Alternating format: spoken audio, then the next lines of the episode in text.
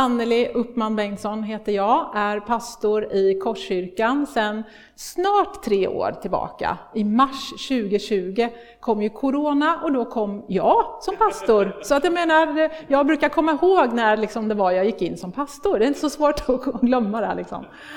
Eh, men eh, jag, har, jag är inte uppvuxen i en församling, så det här är hyfsat nytt för mig. Och så är jag pastor, jag ska förklara det snart. Jag har varit frälst snart i 13 år. Och jag, eh, ja, vad ska jag säga, jag har levt mitt liv utan Gud och jag tyckte att jag hade ett bra liv. Och sen när jag hittade Gud, när jag öppnade upp dörren till Jesus, så insåg jag att det förvandlade ju hela mitt liv. Och jag tyckte att jag hade allt, ni vet. Jag har man och barn, jag hade man och barn då också. Bodde i villa, bor fortfarande i villa. Alltså jag, jag hade heltidsjobb, eh, högstadielärare jobbade jag som då. Och hade vänner och ni vet hem och hus och alltihopa vad man ska ha. Och jag tyckte, men jag har väl allt, jag behöver ingenting. Men eh, när jag tog emot Jesus så insåg jag att det var en så viktig bit som saknades i mitt liv.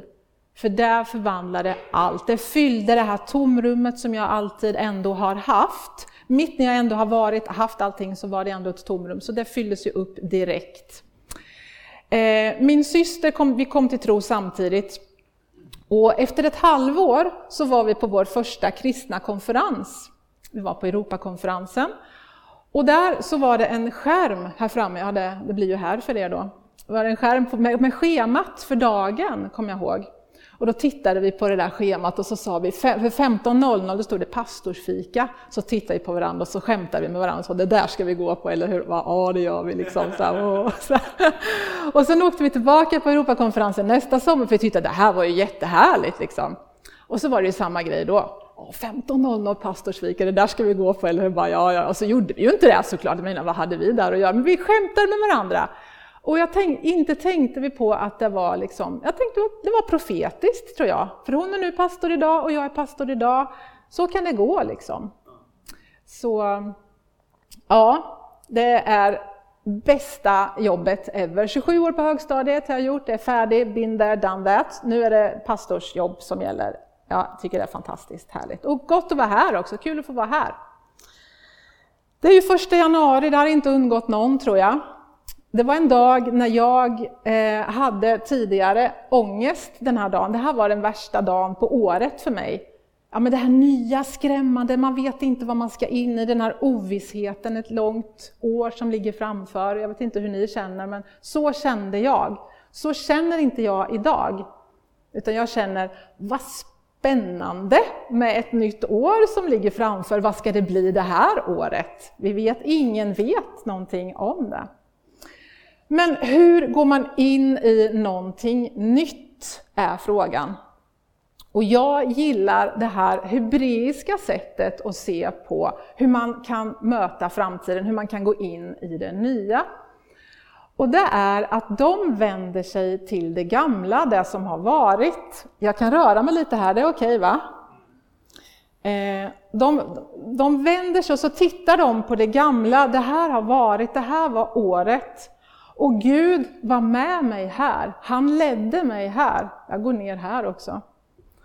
Och sen så back, man tittar på det gamla och sen så backar man in i det nya. Med förvissningen om att Gud som var god då, han är god nu. Så jag backar så går jag in i det nya, bara yes Jesus du var med då, du är med nu, du var trofast då, du kommer att vara trofast nu. Och det känner jag är en sån trygghet eh, att få ta med sig det, att man vänder sig mot Gud, alltså mot tryggheten, det goda, så tar man med sig det in i det nya. Förra året på nyårsafton så frågade jag Gud, eh, ge mig några råd, några handfasta råd för hur jag ska gå in i det nya året och vad man kan tänka på, lite, så, lite råd. Ehm, så att man känner sig rustad alltså inför att gå in i det nya året. Ehm, och direkt kom svaret, pang bom, så fick jag fyra punkter faktiskt. Fyra ord nästan, men fyra punkter kan vi säga. Så det är det jag tänkte att min predikan skulle handla om idag. De här fyra punkterna som Gud talade till mig då. Men då tänker man, det var ju förra året. Ja, men de påminde Gud om mig igår. De är lika aktuella nu. Vi ska ju in i ett nytt år. Det är inte så att det är några nya grejer, det är samma saker som gäller för varje år. Liksom. Den första grejen Gud sa till mig är Håll i. Håll i. Jag vet inte vad du har för goda vanor. Men jag tänker på, när jag tänker på vanor så tänker jag på tandtråd. Jag vet inte hur många gånger min tandläkare har sagt till mig, Anneli, du behöver börja använda tandtråd. Ja, men jag använder tandtråd, säger jag. Ja, men, jag, men hur ofta använder du det? Ja, men ibland. Nej, men du behöver använda det regelbundet. Vi pratar varje dag. Varje dag. Alltså jag vet inte hur många år hon har tjatat på mig. Men sen till slut så bara bestämde jag mig, nu gör jag det. Nu ska jag göra det här till en god vana. Och det är jobbigt att göra nya vanor, har ni tänkt på det? Man behöver verkligen vara ihärdig i starten särskilt och sen brukar det vara lättare sen vartefter. För nu vill jag ju inte göra annat, alltså göra annat, jag vill göra annat. Men jag vill inte gå och lägga mig på kvällen utan att använda min tandtråd. Men nu är det inte en andlig vana. Eh, men kanske du läser Bibeln varje kväll en stund. Jag vet inte vad du har för vana. Kanske går du på bönepromenad varje morgon. Eh, jag tänker på gå på gudstjänst är ju en god vana att göra just regelbundet. Att finnas med i en smågrupp, i en hemgrupp till exempel, och gå på den regelbundet. Det är verkligen de här, håll i de här goda vanorna. Det är så viktigt. Och bibelläsning nämnde jag ju alldeles nyss. Det har en avgörande betydelse skulle jag verkligen säga. Ja, men jag läser Bibeln ibland. Ja, men som min tandläkare sa, varje dag. Så kan tandläkaren säga det till mig så kan jag säga det till er. Vi behöver läsa Bibeln varje dag. Eh, jag har tagit del av en studie där man, de studerade, de, där man forskning, så de studerade vad beteendemässigt vad som händer i människor som läser Bibeln. De nämligen hade en fundering själva om att varför är det så många som äger en bibel men så få som läser Bibeln? Och den tyckte jag, oh, intressant, den vill jag. Och den, jag tror det var 400 000 människor, så det är en ganska stor studie internationellt. Så här. Eh, och i procenttal vad som hände och så här. Jag ska inte dra de procenttalen, det är en annan predikan. Men då så kom de fram till att om man läser Bibeln en gång i veckan så har det faktiskt ingen beteendemässig, blir ingen förändring liksom. Två gånger i veckan, inte heller faktiskt. Tre gånger i veckan då, det måste väl ändå, eller? Ah, lite, lite granna kanske så. Utan grejen är den att när man kommer upp i fyra gånger i veckan eller mer, då har det en avgörande betydelse. Och vad har det då? Alltså det, de, det de hade som, ställt som frågor var just beteendemässigt. Till exempel mindre risk för vredesutbrott, alltså det sjönk rejält. Eh, ensamhetskänslor, man är ju fortfarande lika ensam, men man kände sig inte så ensam, det blev inte så påtagligt, så jobbigt. Den sjönk också. Eh, jag ska skriva några, några grejer här. Självdestruktiva tankar minskade. Sex utanför äktenskapet gick ner 68 procent, kommer jag ihåg. Jag kommer ihåg den siffran, jag har inte skrivit upp den. Men den bara, ja, men jag tycker det är ju ordentlig skillnad, eller? Ja, sådana grejer. Så att Bibeln, att läsa Guds ord, det är levande, Guds ord är levande. Vi blir levande, våran ande kommer till liv också när vi läser Guds ord. Så det händer något med oss när vi läser Guds ord. Men eller men. Eh, min viktigaste, skulle jag säga, goda vana, det är för mig personligen, nu blir jag lite personlig, Eh, när jag tar mina stunder med Gud, jag har dem på morgonen, och då tar jag, det första jag gör på morgonen är att jag hämtar mig ett citronglas vatten och sen så går jag in i min bönekammare och där är jag. Jag prioriterar tid med Gud och där har jag min bibel och där jag faktiskt sen jag började med det här regelbundet så har det också radikalt förändrat mitt liv. Det måste jag verkligen säga. Jag kom till tro, det förändrade självklart, det var det största. Men det här var bara wow! Och jag sitter och skriver, eh, skriver till Gud. Och sen så, så, skriver jag ner vad jag upplever att Gud säger till mig. Och det här blir ju böcker alltså. Det blir fantastiskt och det är så otroligt. Man går tillbaka och så läser man och så bara wow! Och Gud har svarat mig på den där grejen, ett bönesvar här. Och hade jag jobbat med, eller tyckte jag det där var jobbigt, det är ju inte ett dugg jobbigt längre. Eller ni vet så här, man blir påmind. Och där hämtar jag det jag behöver, där tankar jag för veckan, jag tankar för dagen.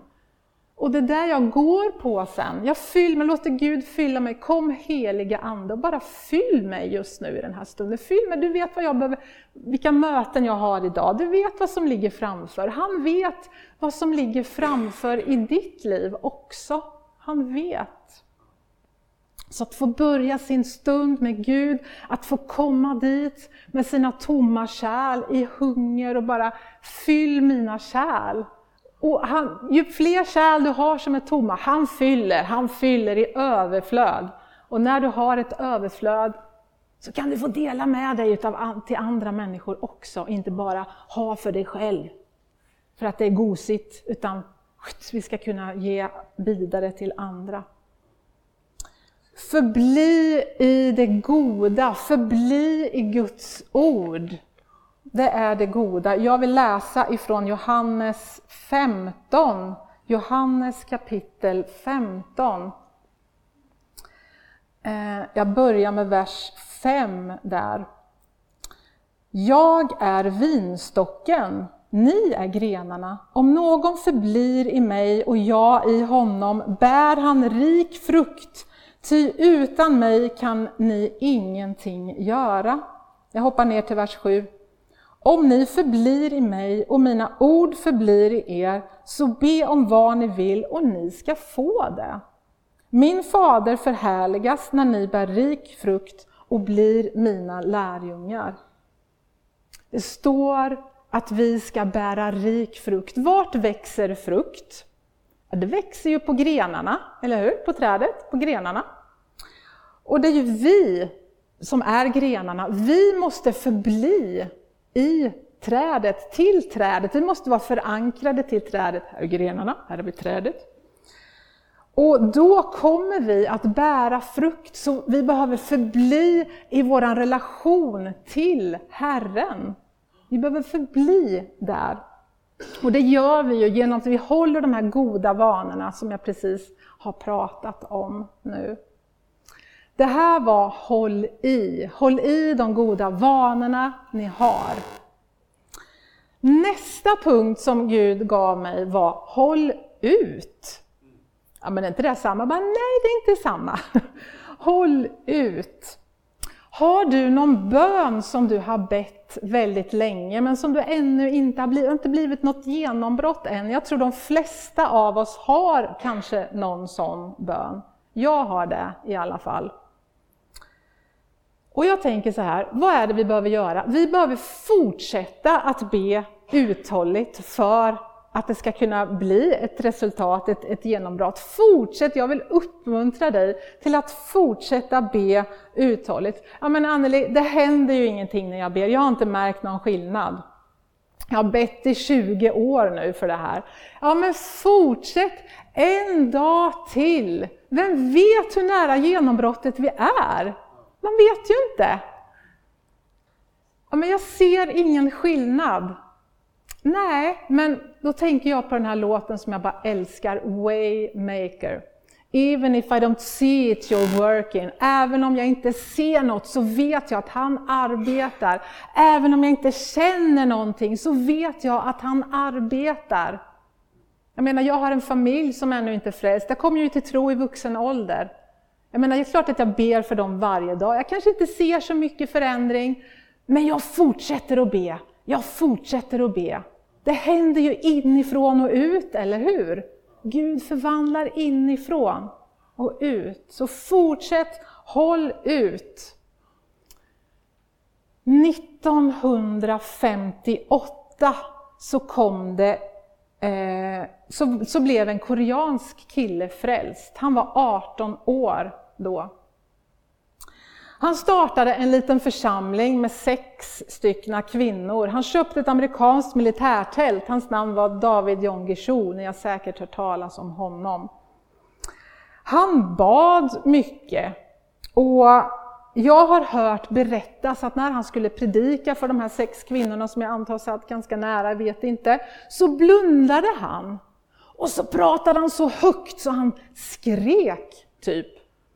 Och då så var det någon efteråt som kom fram och frågade, men pastor Show, varför blundar du när du predikar? Jag har skrivit upp vad han sa här. Gud har sagt till mig i bön att det kommer att bli 3000 medlemmar i församlingen. Och när jag tittar så ser jag bara sex stycken som sitter här. Jag vill inte tappa tron så jag blundar när jag predikar. Wow, eller? Men varför skriker du så mycket då när du predikar? Ja, men hur ska annars de här 3000 höra mig? Jag tycker det var så coolt. Så tro är en övertygelse på att det Gud har sagt, det kommer att ske. Gud hade sagt till honom i bön att det kommer att bli 3000 medlemmar i den här församlingen. Och han vill inte tappa tron, tron på det. Han var övertygad och han gjorde allt han kunde för att hänga kvar i den övertygelsen, i den tron. Och sen fick han vara med om en dag att det blev 3000 medlemmar, men fattar ni ökningen från 6 personer till 3000? Alltså det är många människor. Och sen en dag blev det 10 000. Och sen förra året Nej, 21 dog han. Det var ju det är 1 januari 23 idag. Ja. Jag har inte vant mig vid det än.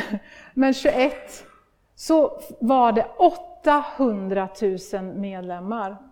Det började med sex små kvinnor, eller små kanske inte var, men sex kvinnor i alla fall. började med, oj nu ska vi se här vad jag gjorde. Men, och då tänker jag så här, när John Guillou blev frälst, då var det 98 procent buddister i Sydkorea. Och när han, eh, idag, eller ska jag säga så här, idag är det 30 procent av Sydkoreas befolkning som är kristen. Alltså det är helt fantastiskt. 30 procent av hela landet är kristna. Wow! Det går att vända ett land hörrni, med uthållig bön. Det här ger mig tro för vårt land, det här ger mig tro för Karlstad, det här ger mig tro för Värmland och för andra saker också. Att be uthålligt, håll i, håll ut. Håll ut också i Guds löften. Jag vill läsa ifrån Hebreerbrevet också, kapitel 10. Ifrån, eller jag tar vers 36. Ni behöver uthållighet för att göra Guds vilja och få vad han har lovat, står det där. Ja, vi behöver uthållighet. Han säger det i sitt ord. Att gå igenom en pandemi som vi precis har gjort, det kräver också uthållighet. Att hålla ut när det stormar i sin familj, det kräver också uthållighet. Det är mycket som kräver uthållighet. Och det är så lätt att vi flyr in i någonting annat. Någonting, kanske sociala medier som ger dig en snabb kick liksom och man flyr undan i någonting sånt. Eller man flyr undan till ett annat jobb, en annan stad, kanske mer arbete. Det finns så mycket vi kan fly undan till när det stormar i våra liv. Och frestelsen kan ju också vara stor att ge upp. Den kan vara väldigt stark. Att, ja, men jag, jag ger upp. Jag vet inte om du har känt den någon gång. Har ni känt den någon gång? Jag orkar inte det här mer.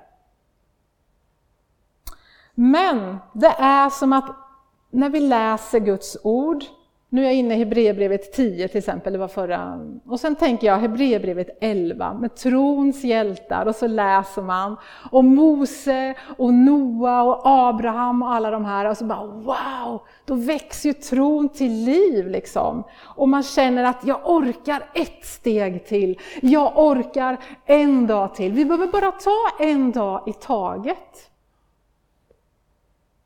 Och våga lita på att Gud, han har inte tappat greppet om dig. Våga lita på att han har inte tappat greppet om din familj.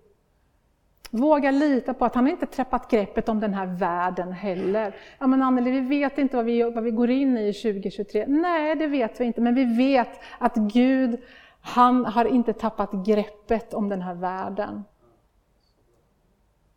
Amen, eller hur? Uthållighet handlar om att våga tro att Gud rör sig även i mitt liv, inte bara i alla andras liv eller i alla andra länder. Ja, men det händer bara i Sydkorea. Det kan hända här. Det kan hända överallt. Han verkar överallt fastän, han, fastän vi inte ens ser eller märker av någon skillnad. Vi känner inte av någon skillnad heller, men han verkar där. Ja, vi är ju inne i Hebreerbrevet så då tar jag kapitel 12 också när jag ändå håller på. De två första verserna, jag tycker de passar bra in här. Hebreerbrevet 12, vers 1 och 2. När vi alltså har en så stor sky av vittnen omkring oss, låt oss då lägga bort allt som tynger och särskilt synden som snärjer oss så hårt och löpa uthålligt i det lopp som vi har framför oss. Och låt oss ha blicken fäst vid Jesus, trons upphovsman och fullkomnare, som istället för den glädje som låg framför honom utstod korsets lidande utan att bry sig om skammen och som nu sitter på högra sidan om Guds tron. Nyckeln här till den här uthålligheten som Hebreerbrevets författare uppmanar oss till. Nyckeln, tror jag, här är blicken. Håll fäst, fäst din blick på Jesus. Fäst din blick på Jesus. Det betyder ju att då behöver vi ta bort blicken ifrån andra saker. Hur ska vi kunna fästa blicken på Jesus om jag har blicken fäst på världen? Och allt som händer och all media och allting som händer och alla intryck och allt. Håll blicken fäst på Jesus. Det betyder att då behöver du ta bort blicken ifrån allt det här som folk har gjort emot dig och som du går och tänker på. Det här sa han och han tittar på mig på det där sättet. Och att vi behöver släppa det också. Och också ta bort blicken ifrån oss själva. Ifrån vårt eget navelskåderi så att säga. För att hur ska jag kunna se på Jesus när mina ögon är fästa på mig själv? Jag tror det är svårt. Eh, jag vill läsa ifrån eh, Galaterbrevet också. Eh, kapitel 5, vers 22 och 23. Där står det om Andens frukt. Andens frukt däremot är kärlek, glädje, frid, tålamod, vänlighet, godhet, trohet, mildhet och självbehärskning. Sådant är lagen inte emot. Ja, den här uthålligheten, det här tålamodet, den här troheten och självbehärskningen som det står om här, Andens frukt den har inte sitt ursprung i oss, utan den har sitt ursprung i honom, i Gud.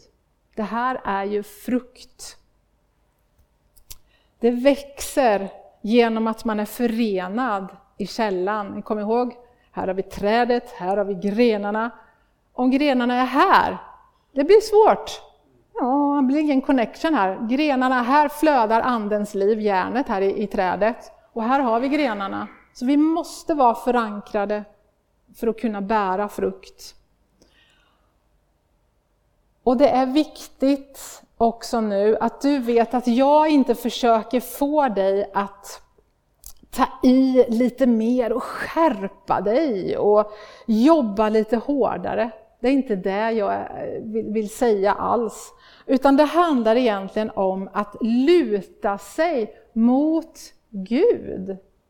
Och sakta men säkert börja bära frukt. Och den kommer av lutandet. Att du lutar dig mot Gud, du förtröstar på Gud, du tror på honom. Han var trofast då, han är trofast även nu, idag också. Så vi lutar oss med hela vår tyngd emot honom. För han, han var lydig ända till döden, döden på ett kors. Och han vet vad det är att vara människa.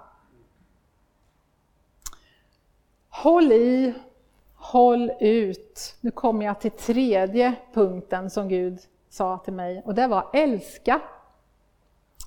Och då vill jag också läsa från Matteus 22, Matteus evangeliet kapitel 22, vers 36 till 38. Matteus kapitel 22. Mästare, vilket är det största budet i lagen? Han svarade, du ska älska Herren din Gud av hela ditt hjärta och av hela din själ och av hela ditt förstånd. Detta är det största och främsta budet. Sedan kommer ett som liknar det. Du ska älska din nästa som dig själv. Kärleken är också en frukt. Vi läste om frukt.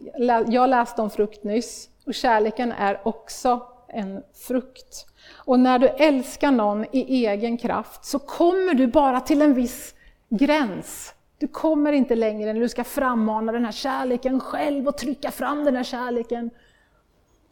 Du behöver ha kärleken som en frukt av Gud för att kunna älska människor, även de som, inte, som du känner kanske inte är så älskvärda, som du har svårt att älska. Men det kommer av det här lutandet. Han fyller dig när du kommer med de här tomma kärlen, när du kommer, när du törstar, när du hungrar efter mer av honom. Då kommer han att fylla de kärlen. Då har jag också tillräckligt för att kunna flöda över till andra. Jag behöver inte frammana det här i min egen kraft, ni vet, och kämpa och sträva, utan vi behöver luta oss mot Gud. Håll i, håll ut, älska, och nu kommer det fjärde. Och det är tillbe. Vad är tillbedjan? Ja, man kan ju förklara det på många sätt, men jag, jag säger så här, när vi ger respons på hans kärlek till oss, när jag utgjuter min passion för Gud, hur mycket jag älskar honom, när jag vill säga mitt tack till honom, det är tillbedjan. Och jag har faktiskt ännu fler bibelord idag här. Jag har också från Lukas kapitel 7 som jag vill läsa några verser ifrån också. Lukas 7, vers 36 till 38.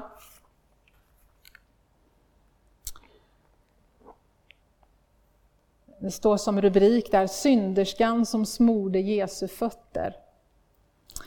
En av fariseerna bjöd hem Jesus på en måltid och han gick till honom och la sig till bords. Nu fanns i staden en kvinna som var en synderska. När hon fick veta att han låg till bords i farisens hus kom hon dit med en alabasterflaska med olja och ställde sig bakom honom vid hans fötter och grät. Med sina tårar började hon väta hans fötter och torkade dem med sitt hår. Och hon kysste hans fötter och smorde dem med oljan. Det här är tillbedjan. Vi vet inte så mycket om den här kvinnan, det står inte ens hennes namn. Men det står att hon är en synderska. Hon kanske var prostituerad, vad vet jag. Men jag tror att hon var utstött i alla fall. Eh, dåligt rykte i, i den här staden. Men jag tänker att hon var väldigt modig som begav sig hit till det här stället. Hon var inte välkommen in i det här huset, hon var föraktad. Varför kom hon dit? Det står ju inte riktigt där, men jag föreställer mig att hon har mött Jesus, hon har haft ett gudsmöte, hon har mött Jesus.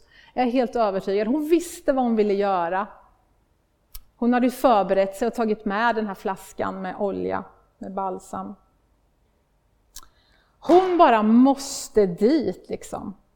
Vi vet inte så mycket om den här kvinnan som jag nyss sa, men vi vet att hon har förstått att Jesus, han förlåter syndare. Hon själv var helt förkrossad över sina synder. Men Jesus, hon visste att Jesus, han har förlåtit mig. Hon visste det, Jesus han har förlåtit mig.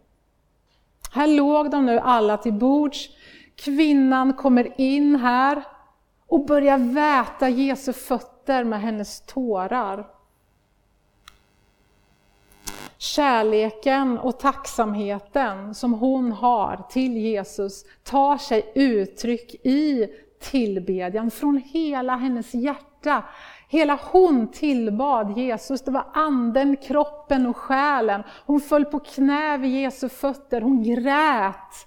Hon smorde in hans fötter med olja. Det här var verkligen tillbedjan, verkligen från djupet av hennes hjärta. Jag tror inte hon brydde sig om ett dugg vad de andra, deras blickar, vad de sa och alltihopa där. Hon hade bara ögon för Jesus. Och vara så här förlorad i Jesus, det är ju det som är tillbedjan.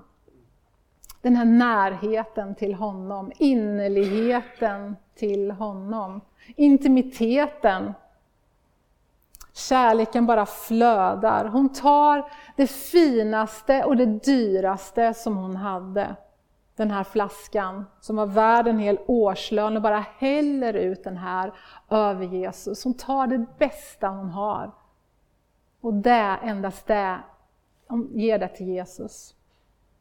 Hon kom inte dit för att visa upp sig och, da, da, da, da, och sitta vem jag är här. Och så här. Hon hade inte fokus på sig själv, utan hon hade sina, sin blick fäst på Jesus.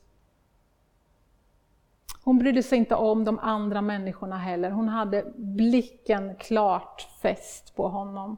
Och ju mer hon såg på Jesus, desto mer älskade hon honom. Ett har jag hört, ett av de grekiska orden för tillbedjan är att komma emot för att kyssa. Och det är precis vad hon gör här, den här kvinnan. Hon personifierar tillbedjan, skulle jag vilja säga. Hon kysser hans fötter, hon personifierar tillbedjan. För det handlar verkligen om att utgjuta mitt allt, att utgjuta min kärlek, min passion för honom. För allt vad Gud har gjort för mig, för hans kärlek, för hans nåd, så vill jag ge tillbaka till honom. Det är min respons. Tillbedjan är min respons. Din tid inför Gud blir en väldoft, precis som rökelsen i templet. Ja, han har kallat oss att älska honom och att ha en relation med honom. Och när vi har en relation, när vi, gör, när vi har det, så uttrycker vi också det. Och det handlar inte om vilka sånger vi sjunger, det handlar om honom. Det handlar om honom. Det handlar också om ditt hjärta. När du älskar någon så blir du aldrig trött på att uttrycka din kärlek till den personen. Och det blir du inte heller till Jesus. Du vill bara fortsätta att uttrycka din kärlek för honom. Ett år ligger framför, ingen vet någonting om det här året. Men jag tänker så här, tar vi till oss de här fyra, om jag kan kalla det för ledorden, så tänker jag att vi är gott rustade för att gå in i det nya året. Håll i dina goda vanor, gå på gudstjänst regelbundet, läs din bibel, ta dina stunder med Gud. Håll ut, var uthållig i de här bönerna som du ber, ge inte upp. Håll ut. Älska Gud och älska människor. Men Anneli, jag tycker det är så svårt att älska. Ja, men du, det blir en frukt av ditt liv med Gud. När du tillbringar, de har de här goda vanorna, är ni med mig? Då blir det frukt utav det, då blir det uthållighet och kärlek. Och det sista, tillbedjan. Att tillbe Gud. Och vänd dig om mot 2022 och titta, vad gjorde Gud för dig då, det året? Han var trofast då, han kommer att vara trofast nu. Han som var god då är god nu. Amen. Och jag vill be, avsluta med att be. Tack Herre, tack Herre för du är så god Herre. Vi vill ära dig för din godhet, vi vill ära dig för din, din nåd, din trofasthet, din barmhärtighet Herre. Och tack att du är densamme igår, idag och i all evighet Herre. Dina löften håller idag Herre. Det du gjorde igår, det kan du göra idag Herre.